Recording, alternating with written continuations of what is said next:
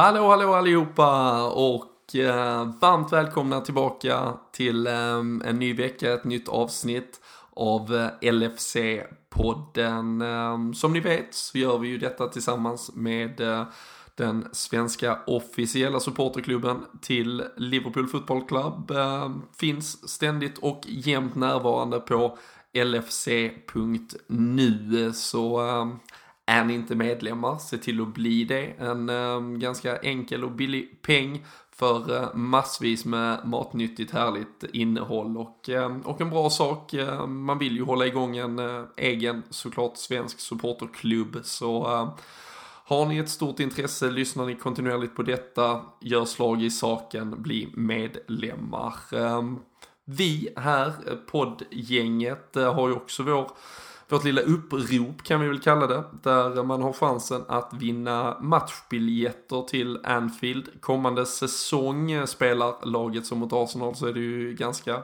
härligt och underbart att uppleva det live. Men eh, som sagt, vi, eh, vi samlar in lite pengar. Vill ni skänka en slant, eh, läs mer på just LFC.nu eller på Twitter. Så, eh, så kan ni vara med där och bidra. Göra podden ännu bättre, ha chansen på fantastiska priser. Så eh, håll koll och eh, alla bidrag är vi extremt tacksamma. Vi har fått in mycket bidrag redan och eh, ja, vi bara lyfter på hatten och bugar och bockar. Men eh, nu ska vi såklart göra oss redo. Jag, Robin Bydund, sitter redan här. Strax släpper vi på övriga panelen. Eh, men som sagt, LFC.nu, officiella supporterklubben, håll koll om ni vill vara med och tävla tillsammans med oss också. Men eh, nu sparkar vi igång det här. Boom! Ooh, what was this? Ja, då äh, sitter vi här äh, igen och äh, jag har välkomnat in några såklart väldigt nobla herrar här till sällskapet. Och Ehm, vi ska bita tag i den där segern mot Arsenal och ehm, massvis med annat såklart som ligger, eh, ligger nära till hands här. Vi har ju också en match som kommer här och ehm, mycket som händer. Den här berg och dalbanetrenden vi är inne i ska vi såklart dissekera. Fredrik Eidefors, eh, trogen rollen som eh, panelhöna. Du är återigen där du hör hemma. Mm. Nej, jag trivs vid sidan om dig faktiskt. Det, vi har gjort det i några år nu så att det, man borde ju vara rätt varm i, i rollen så att säga. Och, och, och, alltid när vi ska möta eller har mött Arsenal så, så av någon anledning ligger det mig så varmt om hjärtat att eh, du får lite, ehm, att, ja storebrorskomplexet eller mot din brorsa där att du får eh, se ner lite på honom blir jag alltid så glad över. Ja, alltså han, när jag började hålla på Liverpool mer eller mindre, då, det var ju under tiden då Invincibles eh, drog igenom ligan ganska enkelt. Så att jag har ju fått höra ett och annat under de här åren. Men eh, igår, eller igår var det, i förrgår var det jag som fick dra det längsta strået. Och det, det känns alltid lika skönt. Så det var helt enkelt Kolo Touré som fick han att uh, hålla på Arsenal en gång i tiden? Skulle tro det, jag skulle tro det. Fantastiskt. Han erkänner det bara inte, men jag tror det. Ja, men det är, många har uh, valt uh, lagtillhörighet på grund av uh, Kolo Kolo, det, det vet vi. Um, med oss uh, också lite, återigen får man väl säga, uh, lika stabil som, uh, jag vet inte, Ragnar Klava nästan. Daniel Forsell. Då är jag med och han är stabil som fasen. Klavan det gav resultat om man säger så. Ja. Eh, man får väl känna sig lika stabil i alla fall. Hoppas jag. Och eh, poddens eh, bästa tippare har du fått höra för faktiskt. Ja, där, där är jag stabil faktiskt. Det, denna gången var det väl kanske mer med, med hjärta kände jag själv. Men i, i slutändan så var 2-1 eh, ganska nära får man säga. Lite, lite upprörd på Gini Wijnaldum när han sprang igenom i 90 Nej, det var okej den här gången. Jag hade tippat eh, på något annat ställe också 2-1. Men det, jag kunde ta smällen eh, när det är åt detta hållet. Ja, fantastiskt. Och eh, dock inte bäst av eh, alla. Eh, Ulle Wilén, ännu bättre. 3-1 hade ju han och ett sent avgörande faktiskt. Det hade han. Det var riktigt snyggt. Eh, jag tycker med vi kan passa på att förtydliga lite eh, reglerna kring det. Det sker ju fortfarande lite misstag, eller vad man ska kalla det på Twitter. Eller lite... Eh, dels då att vissa citerar istället för att retweetar. Det kanske är grekiska för de som inte tävlar och sitter på Twitter, men viktigt eh, för att vi ska kunna hålla reda på det. Och så är det ju jätteviktigt att man följer allt det som står i våran tävlingstweet, om man säger så. Att man svarar till den och så vidare. Så att det verkligen blir eh, allt på rätt ställe för oss. Så det, det kan vi väl inte förtydliga för många gånger. För det, det var ju lite föremål den här gången faktiskt eh, också. Som mm. så tidigare. Men eh, Olle hade i alla fall uppfyllt alla kriterier bäst och tippat bäst bland de som hade gjort det. Ja, ja precis. Det, var ju, man ska ju, det är ju egentligen ganska enkelt. Man ska följa LFC-poddens Twitterkonto. Man ska retweeta den här då tävlingstweeten. Och så ska man svara oss med eh, vad man tror slutresultatet blir, vem som gör sista målet och minut då för sista målskytt. Men eh, som sagt, eh, till syvende och sist, Olle Wilén eh, vann en eh, snygg tisha från Sam Dodds ehm, här mot Arsenal och eh, såklart så kommer det en ny i potten mot Burnley och eh, det kan ju vara mästertipparen Danne Forsell ska, ska rygga med, med viss eh, korrektion då för att eh, ha chans till helgen. Men eh, innan vi på riktigt eh, tar tag i dagens avsnitt, eh, Christian Andersson, du är också tillbaka i heta stolen. Ja, äntligen. Skönt. Det var faktiskt. ett tag sedan, eller? Jo. Ja, det var nog inte, den, inte förra gången, men gången där, dessförinnan var det väl. Mm. Då satt du med och snackade Tottenham-segern kanske? Du tar bara mm. segrar? Precis, jag, jag, jag kör varannan match där. Jag kör de topplagsmatcherna då vi vinner och så struntar jag sen när vi kör bottennapp. Mm. Ska vi kan, kan vi starta där någonstans? Det är ju det är ganska lätt att sitta och skoja om det nu men eh, om vi tar liksom våra fyra senaste matcher så noll poäng mot Hull, tre poäng mot Tottenham, noll poäng mot Leicester, tre poäng mot Arsenal.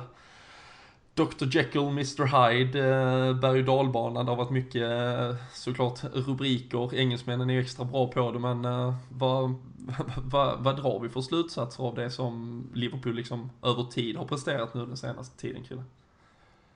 Nej, jag vet inte. Alltså det är som kanske som vi kommer höra sen med, men som Klopp sa att det är ett långtidsprojekt och det kommer vara liksom toppar och dalar innan man kanske får det att, att sitta. Men samtidigt så har det ju gått relativt lång tid nu sedan han kom som manager. Sen är det klart, alla ska alltid få tid, men jag tycker att detta är ett problem som Liverpool haft länge. Vi såg det ju även under Rodgers och vi såg det under Benitez också. De här bottenappen som kostar de poängen som gör att man till slut ja, antingen missar topp fyra eller då som vi har gjort några gånger missat en titel. Så det är ju inte egentligen någonting som bara är nu utan det har ju faktiskt ja, pågått en längre tid och det är ju det som är, jag tycker är jobbigt personligt. Just att vi lyckas ju aldrig riktigt slipa bort det. Och jag vet, vi har varit inne på det ämnet innan men det är verkligen Liverpool i, i ett nötskal liksom. Att, eh, att aldrig riktigt... Eh, ja, liksom... Vet inte, man hittar inte problemet, man lyckas inte lösa det. Men vi hoppas väl att Klopp som sagt kan fortsätta och och eh, ja, bara försöka hitta en lösning på det och att vi kan gå framåt med det. Men eh,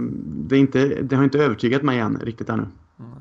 Vi, eh, vi andra satt ju här, Fredrik, Dan, vi satt ju och, och snackade, försökte liksom på något sätt samla oss efter den där extremt tunga Leicester-förlusten. Och, och vi pratade ju lite om när vi, när vi lyssnade på, på Klopp också, att liksom, det var en uppgivenhet på ett helt annat sätt där efter match. Han, han kändes verkligen liksom han kändes faktiskt sviken på något sätt Fredrik. Eh, man har alltid hört talas om eh, Alex Fergusons berömda hårtorkar. Eh, tror du det var läget här, om än att vi har liksom blandat och gett för, tror du här på något sätt ändå var något klimax där, där Klopp verkligen, det, det var inte längre okej okay det här? Ja, alltså jag, jag håller med dig. Jag tyckte han... Eh, man brukar väl se på Klopp när, när vi har förlorat eller har eh, tappat poäng att han, han, han, ser lite uppgiven ut och så, och så skrattar han lite sådär och så är han tillbaka igen. Eh, och jag kände väl den här gången att det var lite, lite värre än de andra gångerna. Och, så jag tror definitivt att det påverkade laget och att han hade en ordentlig eh, ja, genomgång vad, vad vi gjorde fel och eh, vad som eh, skulle förbättras inför nästa vecka. Och jag tror att de lyssnade inte bara att det var ett topplag vi mötte utan att de, eh, de fick nog höra ett och annat efter den matchen. Ja. Men eh, jag tycker vi gör så här, vi, vi lyssnar på vad, för Klopp fick frågan faktiskt eh, kring just det här och kring det här med att få en reaktion från Leicester-matchen. Han fick den efter Arsenal-matchen också. Jag tycker vi lyssnar på vad han hade att säga kring det och så, så snackar vi vidare alldeles strax just på detta ämnet. I said to the boys before the game that um, because we had we had a really hard week. We, we, in, in, in, in kind of directly after the game I, I found a few words and was not um, asking for friendships if you want. So it was uh, pretty clear. Next day we made the analyze uh, which was not nothing to enjoy for me when I did it and not for the boys when they saw it. But there was a point in the week when we when we actually had to finish the Leicester game. It was absolutely exceptional. It was it was not that it was how I said we we played we lost games and we played not well in all the games, but in this game so many bad individual performances when it's really difficult to win a football game. But it was frustrating. Ja, en uh, här trots allt då efter uh, segerna när ju liksom Arsenal-vinsten ligger ändå uh, närmst till hands men, uh, men, men man hör återigen egentligen här när Leicester kommer på tal. Han, eh, det har nog varit en tuff vecka för, för spelarna också. Han är inne på det här liksom att eh, han börjar med att analysera den. Han har tidigare han har pratat om att det var direkt en hårtork liksom. Det, han skällde faktiskt för första gången på riktigt men sen efter att han själv hade analyserat den så var det verkligen bland det sämsta han sett och när han visade för spelarna så var det det var lite skämskudde för, för allihopa. Eh, tror, tror du att kan det ha varit bra på något, kan vi ha bottnat här? Och att det liksom, att hela tiden innan så har det varit blandat och gett lite men att det blev något, som sagt, att, att det här var botten nådd. Alltså man hoppas ju det såklart, men eh, jag vet inte. Det, det, är så jäkla svårt att analysera den här, eh, de här topparna och dalarna tycker jag. För eh, det, man satt, kände väl igen sig själv i det där tycker jag när vi satt här för någon vecka sedan nu och man eh, var ju fasen eh, nästan på botten själv tänkte jag säga. För man var lika uppgiven nästan. Man tyckte verkligen att det blir ju inget stopp på de här insatserna eller det här att eh, vi är bra mot eh, topplagen och haft dåliga månader här nu mot bottenlagen. Men eh, nej, vi får väl hålla tummarna för att det faktiskt var det. Och det är väl eh, spelarna kanske har insett lite allvaret. Eh, han, som vi var inne på förra gången, då, nämnde ju faktiskt det här med att alla spelar ju faktiskt för sin framtid. Och det gäller väl spelarna såklart snarare än Klopp, skulle jag tro i alla fall. Och eh, då vill han väl ha den här reaktionen, men det stora testet kommer ju egentligen framåt och visa att det faktiskt... Att vi faktiskt inte ska sjunka ner där igen då. Mm.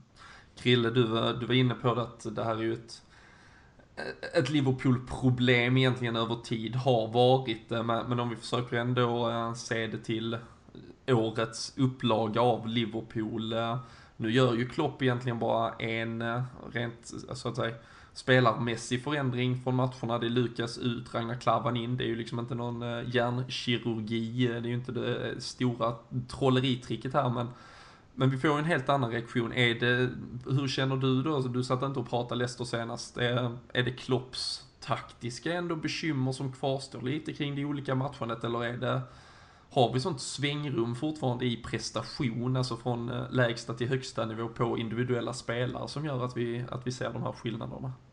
Jag tror faktiskt att det är en blandning av båda. Att Klopp fortsatt måste kanske lära sig lite eh, just eh, mötena med de eh, mindre lagen om man säger så, som har ett tajtare försvar och som kanske lägger sig mer på kontringar. Men sen tror jag också att det är en spelarinställning, att det är en vinnarmentalitet man måste ta till sig och lära sig. För det är som du säger och som jag nämnde innan att vi har sett det under flera säsonger. Och när det väl gäller så har Liverpool vikt ner, vikt ner sig och då har det varit bra upplagor av laget också. Och vi ser ju ändå nu mot Arsenal då att vi, vi gör det jäkligt bra men mot Leicester är det fruktansvärt dåligt. Så liksom fick laget en, en stor skopa utskällning och sen liksom fick skämmas efter en analys också så är det inte mer än rätt för det har pågått lite, lite väl länge nu och man märker ju också bland fansen frustrationen då när det väl sker. Men jag tror att det är en blandning av de båda som eh, ja, hela klubben egentligen måste lära sig att eh, handskas med. Och det är som sagt den här vinnarmentaliteten som vi också har nämnt tidigare att man, man måste få, få in en sån i, i helheten av klubben att, att liksom även de matcherna som är svårare och inom citationstecken mindre, att de ska också vinna. Så man behöver inte alltid vinna fint utan det räcker med 1-0 vinster också, bara man gör jobbet. Mm. Hur, eh, Fredrik, vi, vi, vi ska ju närma oss eh, Arsenal-matchen såklart. Hur, var, var du förvånad över att man trots allt, eh, alltså det var ju så mycket Klopp var ju faktiskt ärlig att han, han inte var nöjd med spelarnas, som sagt, mycket individuella insatser. Däremot Leicester som, som var under all kritik. Det spekulerades ju mycket i att man kanske skulle få se för första gången på, på länge då att han faktiskt gjorde lite förändringar. Det pratades om en eh, Divock Origi som kunde gått in från start. Det pratades allt till och med om en, en James Milner som skulle antingen ut eller upp på ett mittfält, Alberto Moreno. Men, men vi fick ju ändå se samma lag i stort sett. Tycker du, tyder det på en för svag trupp? Eller tyder det på att eh, Jörgen Klopp faktiskt tror så pass mycket på de här spelarna och verkligen vill jobba med just de här spelarna? Alltså jag, tror, jag tror Klopp tar en, en titt på sina konkurrenter och ser vad de har att slänga in och, och inser nog ganska snabbt att eh, även fast vi når, som du säger, de här bottnarna, extrema bottnarna och eh, höga dalar, eller vad ska man säga, ja, topparna. Eh, så tror han inser att vi kan inte hålla på och laborera för mycket med det här laget för det finns inte tillräckligt mycket kvalitet att stoppa in som de andra lagen har. Som jag tror du nämnde förra veckan, eh, just det med Chelsea till exempel som kan sätta in en Pedro eller William beroende på situation. Vi har ju inte riktigt den möjligheten att kunna göra det och jag tror att Klopp har insett, eller ja, han har nog sett det ganska länge, men man känner nog nu att nu är det så nära slutet på säsongen. Det är viktiga poäng att spela om nu. Viktiga positioner framförallt och eh, han tar inte chansen utan gör så små eh, förändringar som möjligt just för att inte åka på Eh, ja, risken att hamna utanför topp 4 framförallt. Speciellt eh, svårt med, med bredden när eh, Daniel Sturridge återigen eh, strain, strain to the hip in a rehab session. ja, den är ny På tal alltså. om new, new lows. Ja, alltså det är ju det är ju fantastiskt. Han har alltså på något sätt sträckt någon del av höften under en eh, rehabilitering. Men ja, nej, det som sagt, det, det gav ju till slut kanske inte jättemycket alternativ även om Divock Origi kom in, eh, gjorde det väldigt bra, kan vi säkert eh, komma in på lite senare. Men eh, annars om vi, vi tar oss till den här Arsenal-matchen, eh, Danne, och eh, nu, eh, nu kallar jag dig lite li, li, lite skämtsamt eh, Ragnar Klavan inledningsvis, men eh, han fick ju chansen då i eh, där Lukas på något sätt kanske, eh, ja, man kan alltid skylla på, eh, nu Klopp pratar ju, han trodde ju att Giroud skulle starta. Ehm, även om man kanske också trodde att Sanchez skulle starta i en konstellation men, och ville då väl ha in lite styrka på huvudet. Eh, med Ragnar Klavan och eh, Joel Matip, eh, tredje gången tillsammans, tre vinster faktiskt eh, i en tid annars när statistik talar för att Jörgen Klopp har provat 20 olika mittbackskonstellationer på lite drygt 18 månader. I DN Lovrens frånvaro är det, vi har ju faktiskt suttit och pratat om det här vi vill i alla fall ha mittbackar på mittbackspositionen.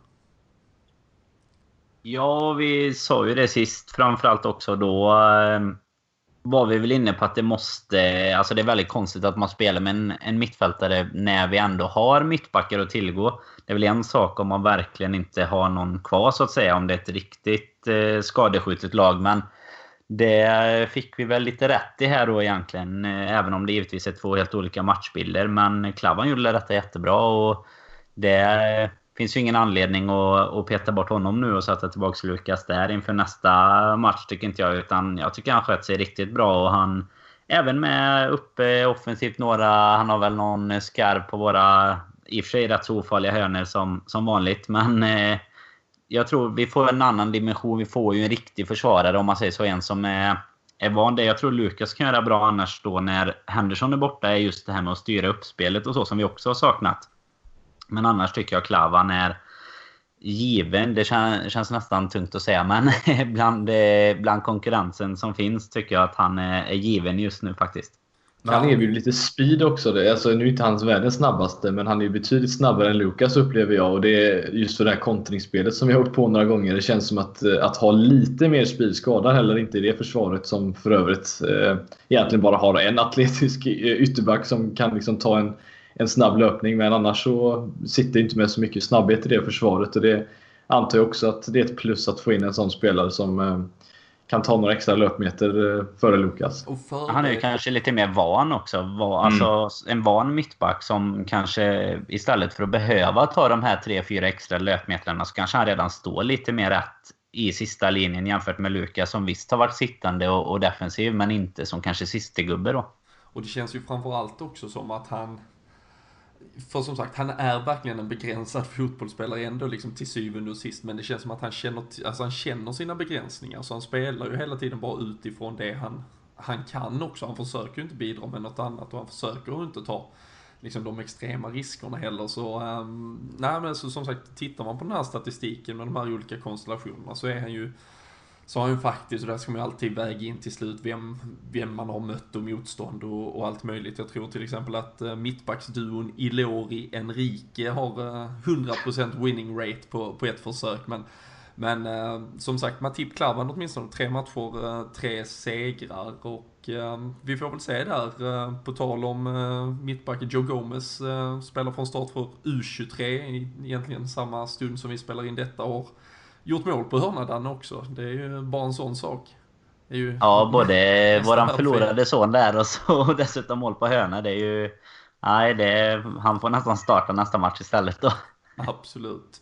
Men eh, jag tycker vi, eh, vi har lyssnat på en klopp som kanske då fortfarande var lite samlad och, och försiktig. Men eh, vi ska höra hur det lät när han fick eh, prata fritt från hjärtat om, eh, om det som Liverpool faktiskt presterade just mot Arsenal här i lördags och så, eh, så fyller vi ju på med våra tankar alldeles strax här.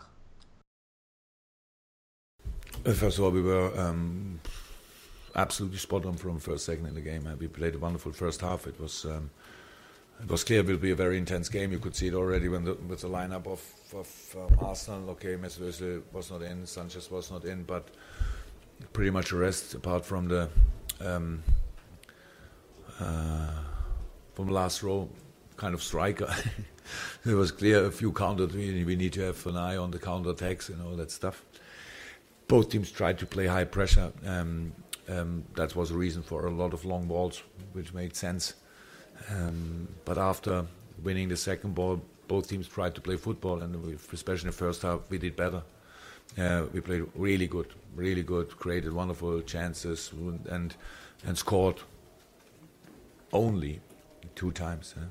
We could have scored more in the first half. So, but then it was clear that there will be a, come a response from, from Arsenal, and especially when Alexis Sanchez then is on the pitch. He's one side is on one side he's a world class player, no doubt about this.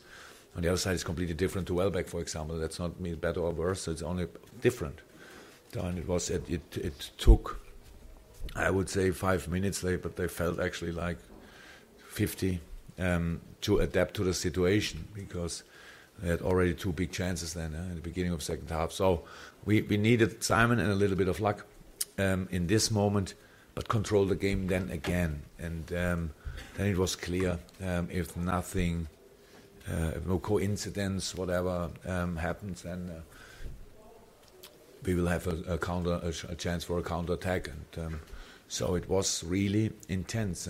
Ja, en, ehm, en, lite, en lite gladare Jörgen eh, Klopp eh, här Krille, så, såklart. Ehm, vi, eh, vi ska ju självfallet prata mycket om vad, vad Liverpool presterar, men ehm, man får väl ändå kika lite på det som kom ut en timme innan match, det vill säga laget vi, vi mötte där. Det kändes ju spontant som att Arsenal kom ett ett sämre lag än vad man eh, liksom var beredd på. Framförallt Alexis Sanchez såklart som det stora utropstecknet. Ehm, hur tror du det förändrade liksom Liverpools eh, positivitet, inställning, eh, taktisk disposition? Ehm, fanns det något att göra där tror du med en timme kvar eller Liverpool bara körde oavsett här?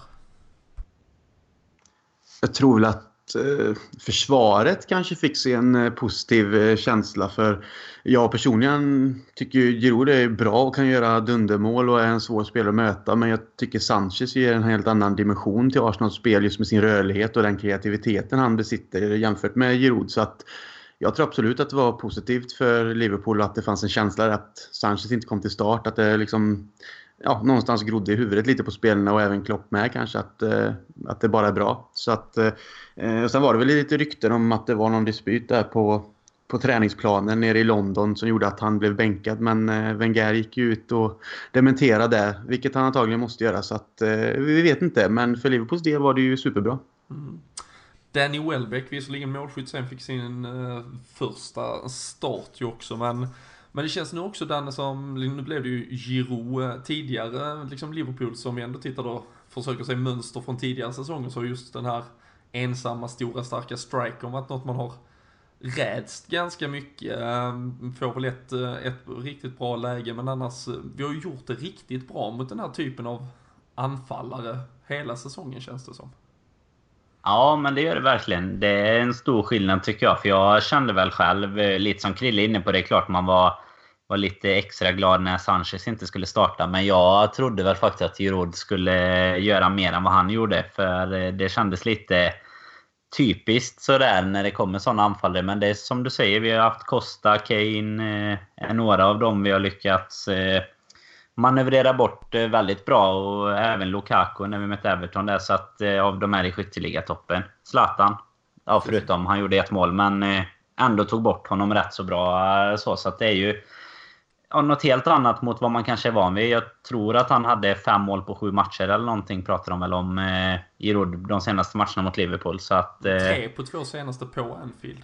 Ja, det var det kanske till och med. Ja. Så att, och vi hade ju också ruggigt dålig statistik just mot Arsenal. Så det, nej, det var väl trevligt. Men eh, jag förstår inte varför Sanchez var bänkad om jag ska vara ärlig. Men det, det var väl skönt för oss i alla fall. För att Arsene Wenger är en mycket gammal och lättkränkt man, tror jag eh, anledningen kan vara. Men, men det, men det, Det lämnar vi såklart till, till, till någon annan podcast tycker jag. Ja. Men, ehm, men annars Fredrik så var det ju återigen ett Liverpool som eh, lite likt uh, Tottenham-matchen verkligen fick en flygande start och ehm, 1-0 efter lite drygt eh, 10 minuter och, eh, och framförallt också, det pratade ju Klopp om tidigare också, att det blev det var två lag som ville pressa, så det blev ett lite mer direkt spel. 1-0 kommer också från en, en långboll, Mignolet inblandad i stort sett och, och pang pang.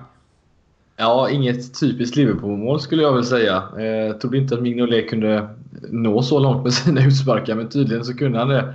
Eh, men nej, det är som du säger, det, det är verkligen flygande starter och eh, det är ju det vi gör bäst. Eh, och förvånad att fler lag inte faktiskt eh, liksom är med på detta och försöker liksom kväva oss de första 20-30 minuterna. För att eh, gör man det så har vi ju sett att eh, vi har det svårt att jobba oss in i en match trots att det liksom skulle möjligtvis kunna vara en timme ytterligare att spela. Men eh, nej, en, en flygande start eh, och det är viktigt för oss att få in ett tidigt mål för att inte det ska eh, ja, fortsätta så som det har sett ut mot, eh, mot andra lag innan. Att vi har haft, haft det kämpigt. Eh, men eh, nej, det, de, de tre där framme sätter ju verkligen eh, fart på allting och då blir det med en extra Lallana dessutom då så blir det ju eh, fart på allting och det klarar ju Arsenal definitivt inte av för det kändes ju verkligen som att det var ett helt annat lag eh, som man mötte när Sanchez inte är med på det laget, eh, på, det, ja, i startelvan. Det känns som att det är ett Ja, det är inte ens ett topp 4-lag i mina ögon. Eh, så att, eh, det får vi tacka och ta emot för.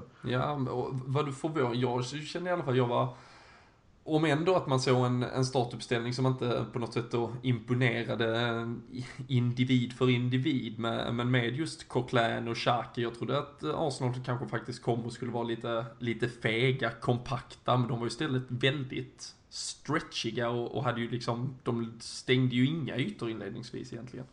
Nej, och det, och det är ju det som vi har, vi har ju klagat lite på Klopp just att ja, men han har inte lärt sig av läxan och han, han håller sig till det han, han är bra på men att han ser inte att det inte funkar alla matcher. Och det får vi ändå vara ärliga och säga att en Pochettino och en Wenger har skjutit sig själva i fötterna också de, emot oss de här matcherna för att de tror att det de ska göra funkar men de märker att det funkar inte. Men de byter trots allt inte taktiken då.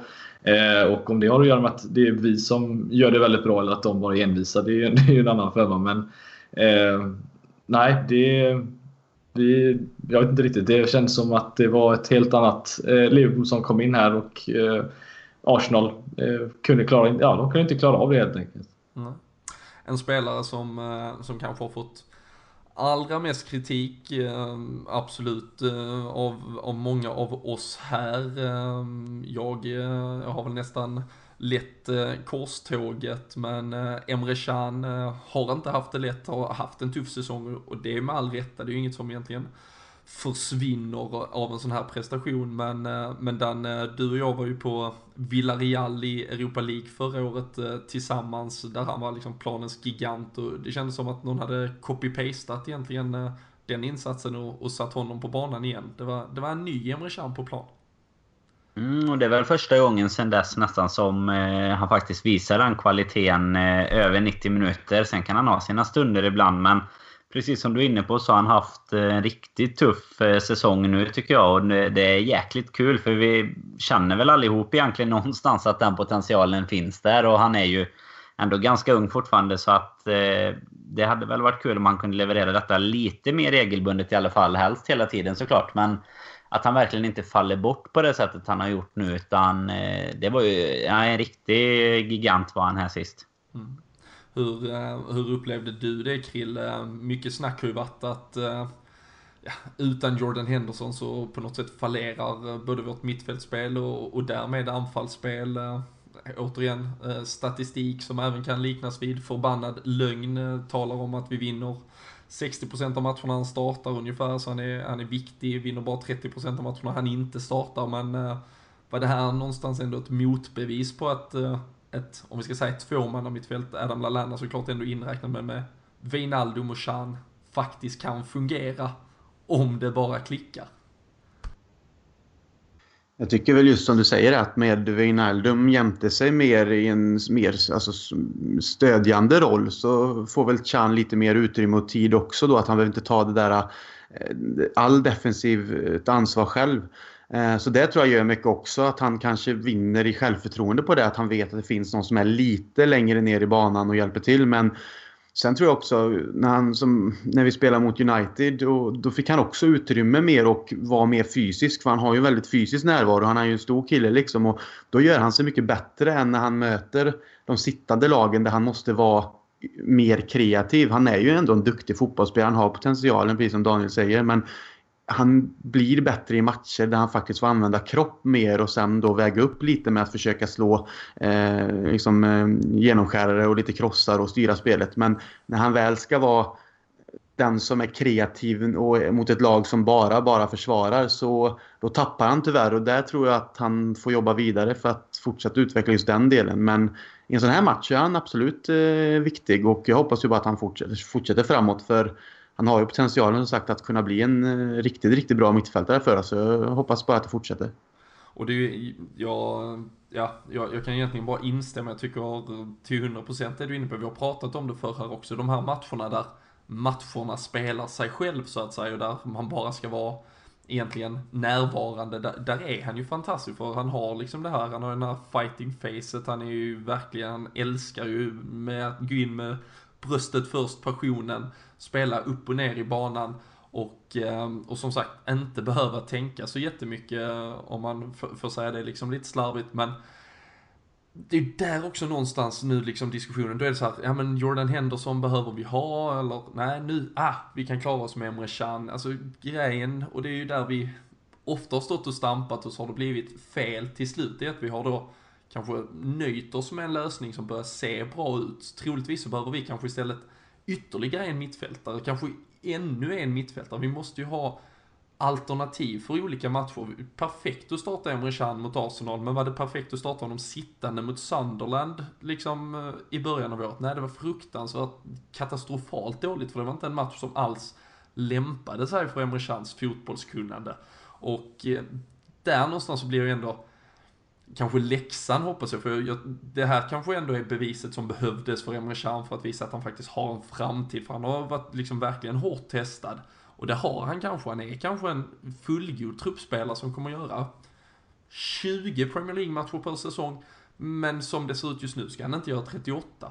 På samma sätt kanske inte ens Jordan Henderson ska göra det, utan vi, vi måste fortsätta leta alternativ och se. Och just med tanke på hur vi har presterat så olika eh, mot olika typer av motstånd och på grund av skador hit, skador dit så visar det ju att vi har väldigt många bra spelare för väldigt många situationer men det är inte just att varje spelare är bra i varje, varje roll. Och det hoppas jag ju man kan lära av det här istället för att på något sätt bli nöjd bara på grund av att vi nu har presterat bra över 90 minuter i en viss konstellation. För det är inte alls säkert och det har vi också pratat lite och det kommer ju tillbaka till det här med Klopps matcherna för det är inte alls säkert att de här 11 gör det helt fantastiskt mot Burnley som blir en helt annan match på söndag. Och, och där återigen så kommer ju dels Klopps såklart, hans taktiska direktiv och vad han väljer och såklart också truppens och bredden i den, eh, dess kapacitet eh, blir viktig. Men Emre Can fantastisk här och eh, som sagt eh, hoppas ju bara, bara tro och hoppas att det här var liksom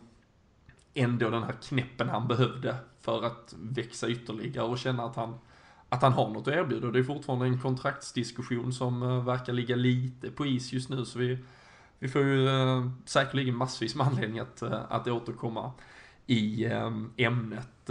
Hans partner där annars, partner in crime, Fredrik, Ginny Wijnaldum har ju fått mycket beröm här i podden och, och överallt egentligen. Tredje målet här på två månader mot City, Chelsea, Arsenal fortsätter dock bara att göra mål på hemmaplan men eh, en man för de stora matcherna. Ja, det är precis en sån spelare man, man behöver och generellt sett så brukar väl det vara en eh, Filip Coutinho eller en Mané eller Firmino kanske, eh, sett till vad det är för typ av spelare. Men att, att ha en mittfältspelare som som bidrar på det sättet som, alltså jag älskar ju den typen av spelare som kan behärska liksom hela planen som han gör. Eh, och fylla år, alltså smart och veta när man väl ska följa upp i anfallet. För det är ju så, eh, ja, tredje målet, eller det målet som han gör nu visserligen, han är med på en kontring, men de två andra målen mot Chelsea City, där är han ju liksom så smart när han ligger i, i straffområdet eller dessutom utanför när han kommer in i boxen. Och det, är, det är precis sådana spelare vi behöver. Vinnare sådana som kan eh, ta på sig den rollen att, att avgöra och det behöver vi mer än en, en han att göra. Så att, eh, men helt fantastiskt och jag älskar ju den killen sett till att han bara det leendet får mig att vilja ha honom på planen hela tiden. Så att, eh, jag älskar ju Wijnaldum. Mm. Nej, ja, och jag, det, jag är den, den första att hålla med. Jag hoppas inte det har eh, undgått, eh, undgått någon kanske, men ehm, som du sa också, bara, bara att ha trots att, att första tanken vi har pratat om eh, Sadio Mané egentligen, om vi pratar inställningsmässigt liknande, ehm, då hade vi Sunderland hemma för flera månader sedan nu, men där han drog liksom iväg på en egen kontring eh, längs kanten, fick en straff i också 90, 92, någonting. Wijnaldum här ser, liksom tar ju löpningen i stort sett från eget straffområde för att han ser chansen till att nu kan vi döda matchen. 9 av 10 spelare kanske ser chansen att, ja men Origi får den, ner mot hörnflagga, vi låter tiden gå. Men man kommer kanske ändå föda 20 sekunder, en sista långboll, en möjlighet. Jag älskar inställningen som ändå för honom fram i planen.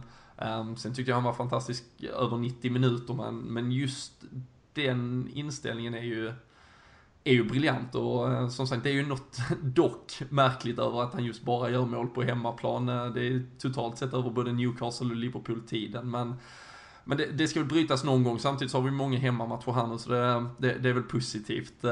Den är en annan som återigen också kommer in i, eh, i målskyttet, poängprotokollet, Roberto Firmino ehm, också egentligen lite svacka, sen all turbulens med ja, eh, fyllekörning, li, lite annat. Ehm, eh, eh, liksom ja, det är lätt efter en vinst så här, men börjar vi se saker och ting falla på plats igen? Bara, får, får man lov att börja prata om att det här var det gamla Liverpool, liksom, om vi pratar höstas?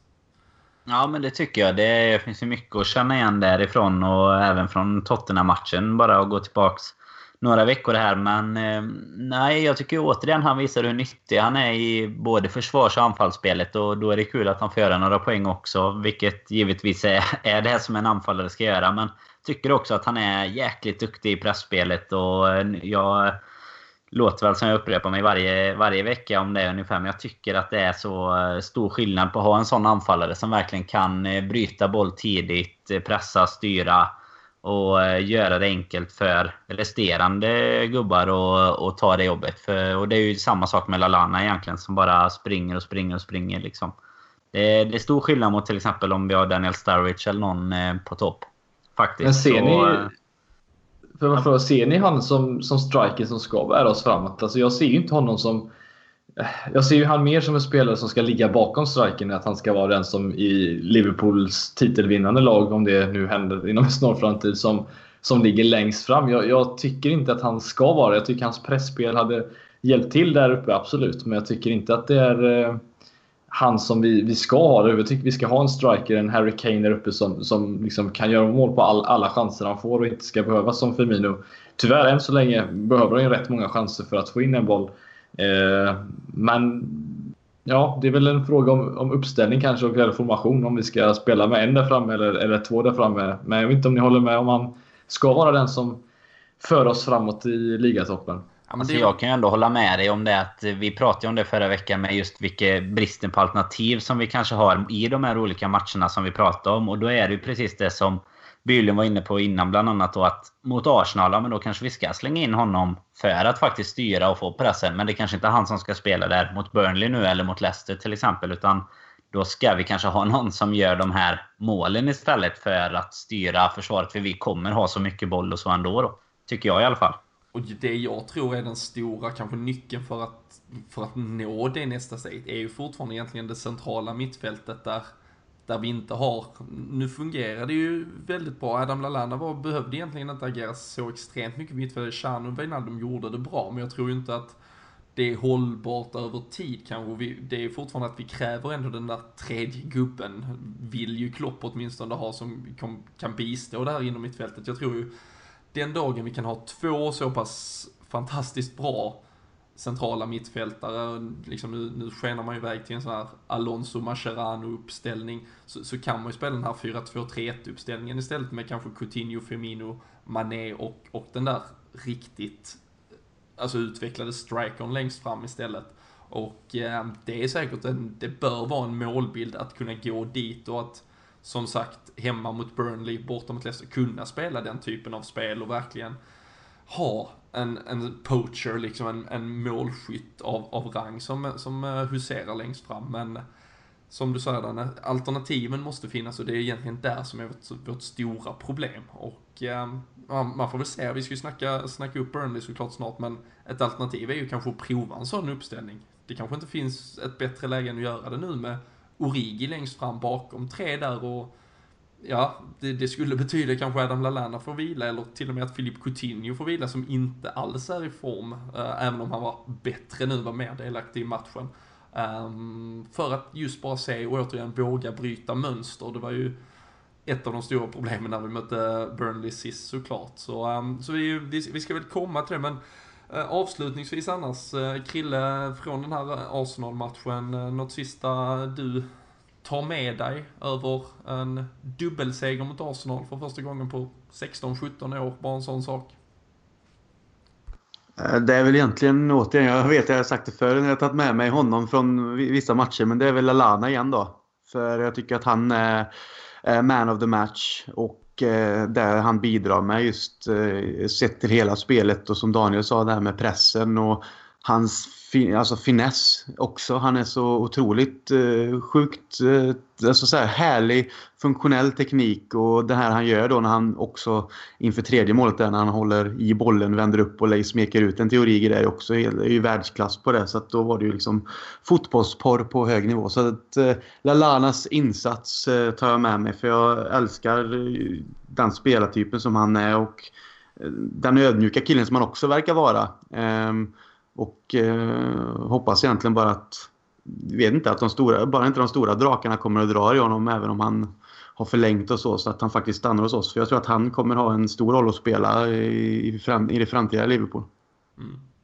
Och eh, nej, men det är en fantastisk eh, insats eh, återigen. Så eh, nej, men vi får ju se där, kanske ändå lite eh, huvudbry för Klopp inför, eh, inför helgen då om han ska vad han ska göra egentligen för att inte falla i den här eh, fällan som vi har eh, gått i nu mot då Hall och Leicester eh, trots allt den senaste tiden. Men innan vi avslutar där så får man ändå stanna upp också vid det som många uttrycker som Grand Slam-tabellen, de här topp 6-lagen, inbördes mötena. Bara en fantastisk statistik som att Sadio Mané har fyra mål eh, i matcher mellan topp 6-lag. Lika många som Manchester United har, eh, kan man ju alltid glädjas åt. Men, eh, men Danne, här är, vi, alltså, här är Liverpool alltså överlägset bäst. 19 poäng. Ehm, 6 poäng ner till Chelsea och ja, vi är ju 14-15 poäng före Arsenal och United såklart. De har ett par matcher mindre spelade, men det är ju matcher de ska ta igen då mot, mot varandra egentligen. Så hur, är det något att vara glad över att vi är så här bra mot topplagen eller blir man nästan bara ännu mer frustrerad över att tänka tanken? Alltså, ja, nej, men jag tycker väl att det är lite frustrerande även om det, det är klart att man är, är glad över det så sätt att vi tar eh, poäng av dem som förhoppningsvis ska vara våra konkurrenter i, i en tabelltopp då. Men det är också frustrerande att veta att de lagen vi borde slå, de slår vi inte. Och sen så eh, tar vi ändå de, kanske de poängen man tror ska handla om sådana här sexpoängsmatcher i skedet av säsongen där liksom toppen ska avgöras. Och Klopp var ju själv inne på det i, i den här eh, intervjun. Vi hörde lite från innan också att vi någonstans i en sån här långsiktig process kommer det vara lite alltså, inkonsekvent. Men han tyckte väl själv att det var lite konstigt att, att Liverpool faktiskt har valt att vara jäkligt bra mot de bra lagen och, och mindre bra då mot de som eh, ligger lite längre ner i tabellen. Och eh, det, det kanske inte var så jäkla bra att ha det här typen. Vi var ju så glada i början på säsongen att vi skulle möta alla tuffa, ha alla tuffa matcher eh, i början och så hade vi enkla då i slutet tyckte man. Men nu har vi bara en topp 6-match kvar så vi får hoppas att vi ändrar lite på det där nu i Vi slutet får, vi får hålla hårt i den där bortamatchen mot City helt enkelt. Ja, verkligen. Uh, jag kan blanda in Everton där också kanske, bara för att få, uh, få lite, lite hopp. Men, uh, nej, men det är ju så, och, och, och som du nämner, han pratar om det inkonsekventa, men det, om man ska säga ändå komiska men sorgliga, det är ju att Liverpool faktiskt har varit konsekvent inkonsekventa. Det är ju inte så här att det är bra mot ett topplag, dåligt mot ett bottenlag, sen jättebra mot ett bottenlag så dåligt mot ett utan det har ju faktiskt varit ändå, det är ju ändå ett återupprepande av den här inkonsekvensen, så det, där är ju mycket att lära och Klopp, man pratar ju också om att han, alltså han vet ju detta, han, han förstår det på så sätt och han vill ju verkligen göra något åt det. Men hoppas också att allt det här positiva som det såklart ligger i att vi är bäst bland alla de här lagen varje gång vi faktiskt ställs öga mot öga. Att, att vi faktiskt ser något positivt på det. Han sa ju att det är de här matcherna som brukar vara svåra att vinna. Det brukar vara det sista man lär sig. Vi är redan där och att på något sätt ska man väl kanske se det som något det, det hade ju varit jobbigare att veta att vi måste, att vi aldrig någonsin har en chans att slå topplagen för då, då kanske det blir lite jobbigt i längden. Men nu vet vi att vi har det och det är faktiskt då den enklare typen av match. Även om den är klart oftare, det spelas ju kanske då 14 gånger 2 sådana, medan det bara spelas 5-6 eh, gånger 2 toppmatcher så att säga. Så Ja men vi, ehm, ja, det, det, det, den är frustrerande statistiken men, eh, men den finns ju där att eh, trots allt försöka se och, och lära av och ehm, det, det känns väl ganska, jag hoppas det är något sånt man har med sig in också i en transfersommar till exempel med att man behöver typen av spelare för de matcherna som vi ännu inte är bra på att ta hand om. Vi behöver kanske inte den där som avgör mot just eh, topplagen för där, där är det ett öppnare spel vi har, typen av spelare, utan vi behöver, vi behöver något annat just, eh, just för vår del. Men eh, vi, eh, vi lämnar Arsenal-matchen där, en fantastisk eh, seger som sagt på alla sätt och vis. Eh, vi ligger på, på fjärde plats, även om det då är en lite haltande tabell just nu. Vi, vi har ju på alla sätt och vis faktiskt då chansen på topp 4 kvar. Det känns bisarrt med tanke på hur 2017 har sett ut. Men eh, som sagt, eh, nu väntar ju Burnley till helgen, en match som eh, ja, får nog många faktiskt att vara mer nervösa än vad den här Arsenal-matchen fick. Så eh, vi, eh, vi, vi lättar lite på trycket, eh, låter eh, Jörgen Klopp eh, smälla oss vidare och denna glöm, g- gången glömmer vi inte att klippa in rätt klipp heller. Boom. Ooh, what was this? Ja, eh, det som sagt um, lite, lite strul med tekniken senast så då fick ni höra vårt, vårt alldeles egna lilla boom. eh, Men vi, eh, vi hoppas att ni gillade det också såklart. Men, eh, men Jörgen Klopps eh, lilla smäll och skratt eh, får ju en alltid att bli eh, lika glad. Eh, Fredrik, nu är det som sagt Burnley. Ja, det, det, jag vet inte om man ska säga skämtas eller om folk faktiskt på riktigt är livrädda. Vi hade Leicester-scenariot där de inte hade gjort ett enda mål 2017 i Premier League, gjorde tre på oss. Nu möter vi ett Burnley som inte har vunnit på bortaplan på hela säsongen. De har tagit två poäng, två kryss. Ett på Old Trafford bland annat. Men ehm, ja, på något sätt är det ju nu man ska vara som räddast som Liverpool-supporter. Japp, det är precis min känsla. Eh, jag, jag, ja som du sa, folk kan tro att man skojar, men jag, jag är nog faktiskt mer rädd för den här matchen än vad jag är för Arsenal. Jag gick faktiskt in med den, visst jag tippade 2-2, jag trodde, men jag var helt säker på att vi inte skulle förlora den matchen. Den här är lite jobbigare sett till att, som du säger, eh, alla förutsättningar är att vi ska krossa de här egentligen, sett till att vi har hemmaplan. Men sanningen är att jag tror inte på någon storkross utan jag tror eh, möjligtvis på någon väldigt tajt tillställning. Eh, och jag tror dock att det är dags nu. Jag tror de här spelarna har tagit, tagit till den här hår, hårfärgen som du nämnde tidigare i avsnittet från eh, Leicester-matchen. Så att eh, jag tror på att vi får se ett annat Liverpool men jag är fortfarande väldigt nervös för den här matchen, det måste jag erkänna. Och det känns ju som att man har sagt exakt det där du säger nu också, att nu tror man på något annat Liverpool. Men liksom vi har ännu ja. inte fått beviset. Det är, det, det, är det man vill ha nu Krille. Vad, vad ska Liverpool göra för att inte falla i den här fällan igen? Som sagt, vi gjorde ju det mot Burnley borta visserligen. De har varit extremt hemmastarka men Hall borta, Leicester som sagt, eh, där finns ett äh, axplock.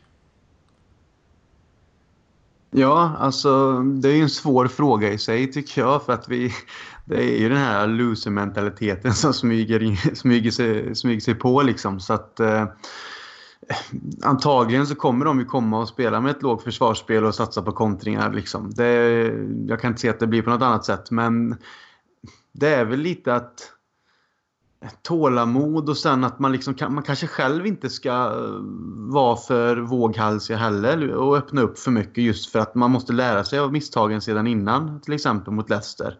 Um, jag, jag, tycker det är en jättesvår fråga att säga vad man ska göra om jag ska vara ärlig, men det känns väl lite mer att man kanske som sagt ska hålla tillbaka lite själva och känna lite på det kanske och se hur de faktiskt eh, reagerar också. För Går vi på 100% direkt, visst det kan bära och att man smäller in en, två snabba, snabba mål och då gör det ingenting. Men vi har ju sett tidigare att det inte alltid har gått på det, på det sättet. Så att, kanske lite mer avvaktande och ja, vem vet, vi kanske ska spela ett helt annat system också. Precis som ni nämnde innan med till exempel på Origi längst fram med tre bakom och försöka ändra, ändra på det och se om det faktiskt ställer motståndaren den här gången jämfört med hur det sett ut innan. Så det kanske är ett alternativ.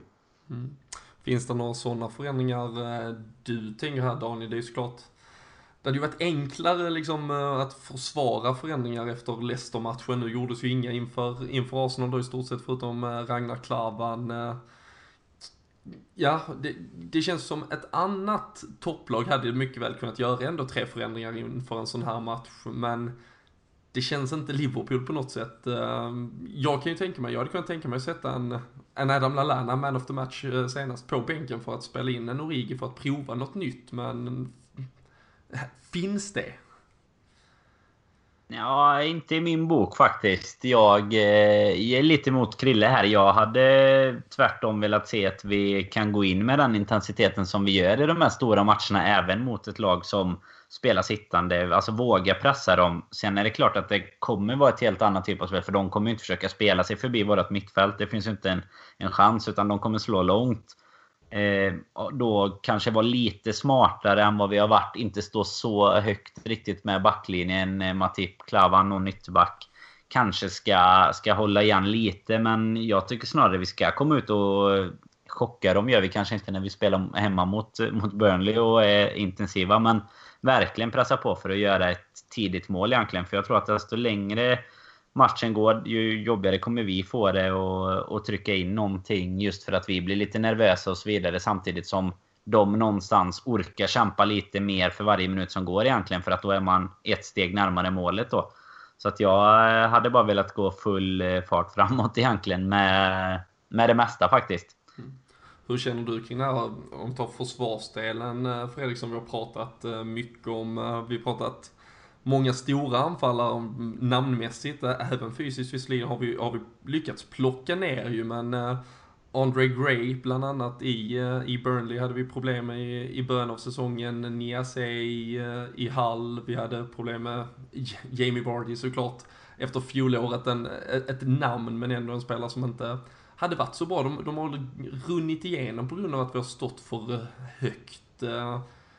Är det en lärdom vi äntligen kan göra, tror du? Eller ligger det ändå så naturligt i Liverpool att, att trycka upp att vi, att vi kommer få ändå riskera den där omställningen återigen? Alltså, problemet jag ser emot mot de här, eh, alltså skillnaden. Jag ska inte säga att de här toppspelarna är är eh, för smarta. Men de här spelarna som nämnde, Andrew Gray och Niasse, de, här, de, de, de, är inte lika smarta som en, en Harry Kane, Aguero och så vidare. Så de, de springer egentligen bara, och där ska vi dra in Jamie Vardy också, de, de bara gör liksom raka löpningar. De tänker inte egentligen på vad de gör, de springer bara. Och det blir liksom svårt att, att möta en sån spelare som bara löper på liksom minsta lilla boll. Eh, det gör ju inte de andra spelarna utan de är mer smarta i, i, i vad de tar för löpningar. Och där vet, vet jag att, eller det, det ser vi redan att våra mitt, eh, ja, vårt mittförsvar har problem mot de spelarna som bara de bara springer liksom. De bara kör sitt race och, och hoppas på det bästa. Och det lyckades de med väldigt bra i de matcherna som vi har förlorat mot. Så jag tror det fortfarande kommer bli en lurig match. Men att ha, ha för högt eh, försvarslinje, det tror jag Klopp har eh, ändrat faktiskt till den här matchen. Jag tror vi kommer ligga och vänta lite den här matchen och eh, pressa i rätt läge snarare än att vi pressar i alla lägen.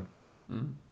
Gray också, som vi nämner, eh, gjorde eh, två mål senast. Eh, bland annat fick du ju Burnley en helt sjukligt dömd straff mot Swansea där de själv tog med hands i Swanseas straffområde och fick straff.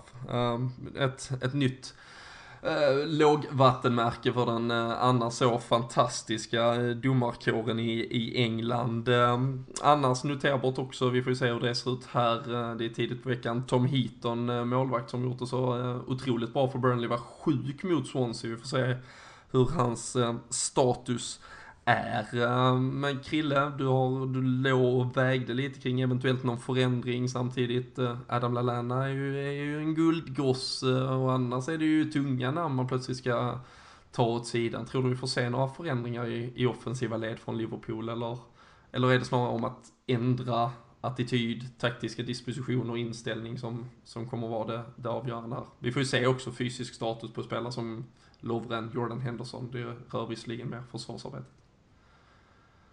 Jag tror det väl egentligen är först och främst attityden och fortsatta reaktionen.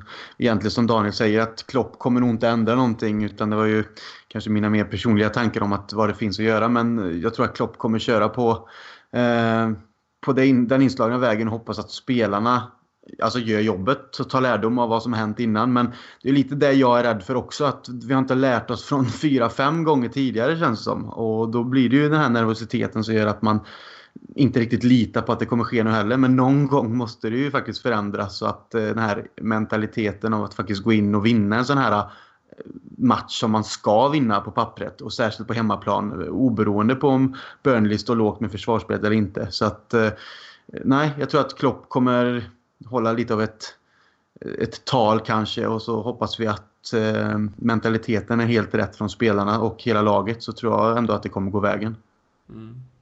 Ja men det är ju, ehm, det, är, det är ju på något sätt, det är ju upp till bevis. Jag tror, det har vi också säkert sagt väldigt många gånger, men det, men det är ju på något sätt att, alltså, det, det är åtminstone liksom taktiska och de här valen av att lita på spelarna, det tåget, det går på något sätt här om han nu väljer den här startelvan och det inte fungerar mot den här typen av motstånd. Han kommer ju vara tvungen att, att börja förändra därefter. Det, det måste man ju i stort sett fram till. Men, ehm, men Daniel, om man ändå tar, om vi försöker liksom se vad som skulle kunna vara annorlunda nu om man ändå behåller samma lag. Det känns som att Sadio Mané till exempel är tillbaka efter att ha missat den här januariperioden som var så horribelt hemskt. Man har ju ändå en spelare som bryter mönster på annat sätt än de här riktigt statiska matcherna som vi fick se när det kanske spelmässigt också var som allra värst.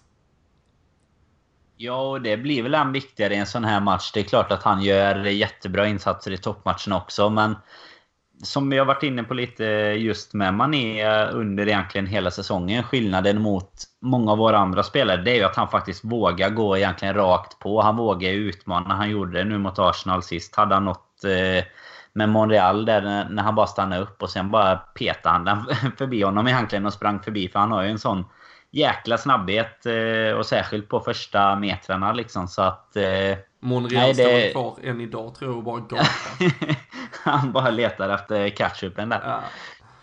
nej men det är verkligen så att han, han eh, hittar ju på lite annat som kanske inte andra Coutinho i all ära just den typen också men han vill ju gärna dra inåt och skjuta verkligen medan man är kanske gör det lite mer oväntade just i de lägena då en mot en. Så att eh, där har vi absolut en stor skillnad mot januari-matcherna framförallt då. Mm. Fredrik, ähm, att du är nervös äh, har du inte lyckats äh, lura oss med eller dölja, men hjärtat, hjärnan, vad, vad säger du nu ändå inför Burnley-matchen här på söndag? Eh, hjärnan säger eh, Robbie Brady inlägg till eh, Sam Vokes som nickar in den i 85 minuten. Men hjärtat säger 3-0 till Liverpool för vi är tillbaka nu. Eh, så du får välja vilken, eh, vilken version du vill gå på faktiskt. Ja, vi, vi, vi låter helt enkelt eh, lyssnarna välja vad de, eh, vad, vad de vill. Vad är mest troligt? Ja, precis. Vad de tar med sig eh, vidare i livet. Eh, Krille, din känsla, tips inför detta? Ja, eh, som Fredrik säger, den här rädslan där eh, att det blir så här skitmål i slutet som sänker oss. Men eh, jag är lite så här, jag, jag, tror, ändå, jag tror ju alltid ändå på laget. Så jag, jag säger 2-0 till Liverpool. Ja. Vi, vi gör två, två mål, håller nollan. Men mer blir det inte även om vi sätter fart från början. 2-0. Nollan där var också något eh, faktiskt som Klavan var ute och pratade om efter Arsenal. Han var irriterad att de inte kunde få en, en eh, nolla. Det har ju varit lite, eh, lite si och så med det också. Men eh, Danne, var, ja, nu, nu sitter vi här återigen. Det är ju varannan veckas podden. Nu är det all in 7-0 eller? Ja, på tal om varannan veckas podden att ge Sam Vokes 1-0 till Burnley 85 så vet jag fan om vi, om vi kommer tillbaka från det faktiskt. Då, då eh, får vi nog revidera det här. Nej, ja. men jag, nej, jag tror faktiskt inte på, på sån all in. Jag har gjort det någon gång när vi har eh, haft något... När man har eh, vinden i ryggen så att säga. Men jag tror att det blir kanske 2-1 i alla fall. Så jag har ju det ändå positivt med en, en trepoängare. Men jag tror att det blir en riktigt tuff tillställning alltså. Mm. Jag tippar ju förlust mot Arsenal så det kanske ska köra det mm, Fredrik Eideforsiska eh, temat och eh, fortsätta försöka eh, anti-jinxa oss framåt. Men alltså man, som sagt, vi, vi har ju gått på den här minan förr. Och man sitter här återigen. Och nu har man feeling. Det känns som att, ja, 3-0, 4-0. Vi borde ju klara det här. Men blir det ett Burnley som lyckas krympa ytor, som lyckas parkera den här bussen, en Tom Heaton som är tillbaka, som, som är så bra som han var, om någon av er så hans insats på Old Trafford till exempel, när han fullständigt ensamt eh, knäckte Zlatan Ibrahimovic bland annat, så, ehm, så kan det bli skittufft. Och ehm, Ja, så nej, hjärnan säger att det här mycket väl kan bli 0-0. Men eh, hjärtat 4-0, kanske. Allt kommer handla om, det pratar vi om efter Leicester också, att det här, vad, vad som händer första tio. Vi har ju haft då Arsenal, Tottenham, mål, pang bom och full fart och då jäklar, då, då, då lever ju liket liksom. Men, men är det vi som inte känner att ah, allt inte riktigt klickar, slår ut några bollar lite felaktigt, missar några passningar det går ganska snabbt att som sagt att, att känna vart det barkar. Så eh, ja, eh, drömmen är ju 1-0 efter tre minuter i stort sett och så bara låta det rulla på. Då, då kan det bli riktigt bra men eh, ja, som sagt, ni där hemma, ni vet bättre, ni tippar bättre. Skit i vad vi säger. Eh, följ gärna eller hjärta, välj själv. Ehm, det kommer ut information om ni vill vara med och eh, tipstävla. Annars eh, kan man ju bara såklart göra det för skojs skull eller att försöka vinna pengar på annat håll. Men på Twitter så eh, kör vi ut information under veckan. Följ anvisningarna som sagt, blev eh, lite struligt eh, senast. Så, så är ni med och tippar om t-shirt från Sam Dodds, våra kära vänner. Och med de orden egentligen så knyter vi ihop säcken. Vi tackar för att ni har lyssnat här idag. Och Eh, vi, eh, vi finns som sagt, vi finns ju på Twitter, vi eh, syns artikel till varje avsnitt ligger på lfc.nu om man vill kommentera och tänka och tycka lite. Och eh, som sagt, som ni hörde inledningsvis också, så kör vi vidare med vår lilla tävling här där man kan vara med och bidra, stöds poddens fortsatta utveckling så har man chansen att tävla om matchbiljetter till Anfield nästa säsong. Men eh, läs om det i egentligen alla kanaler där vi syns. Eh, så hörs vi förhoppningsvis om en vecka. Vi har parkerat det här med att vara en varannan veckas podd. Vi snackar istället om en fantastisk seger och eh, ni där hemma, ni får ha det så bra tills dess.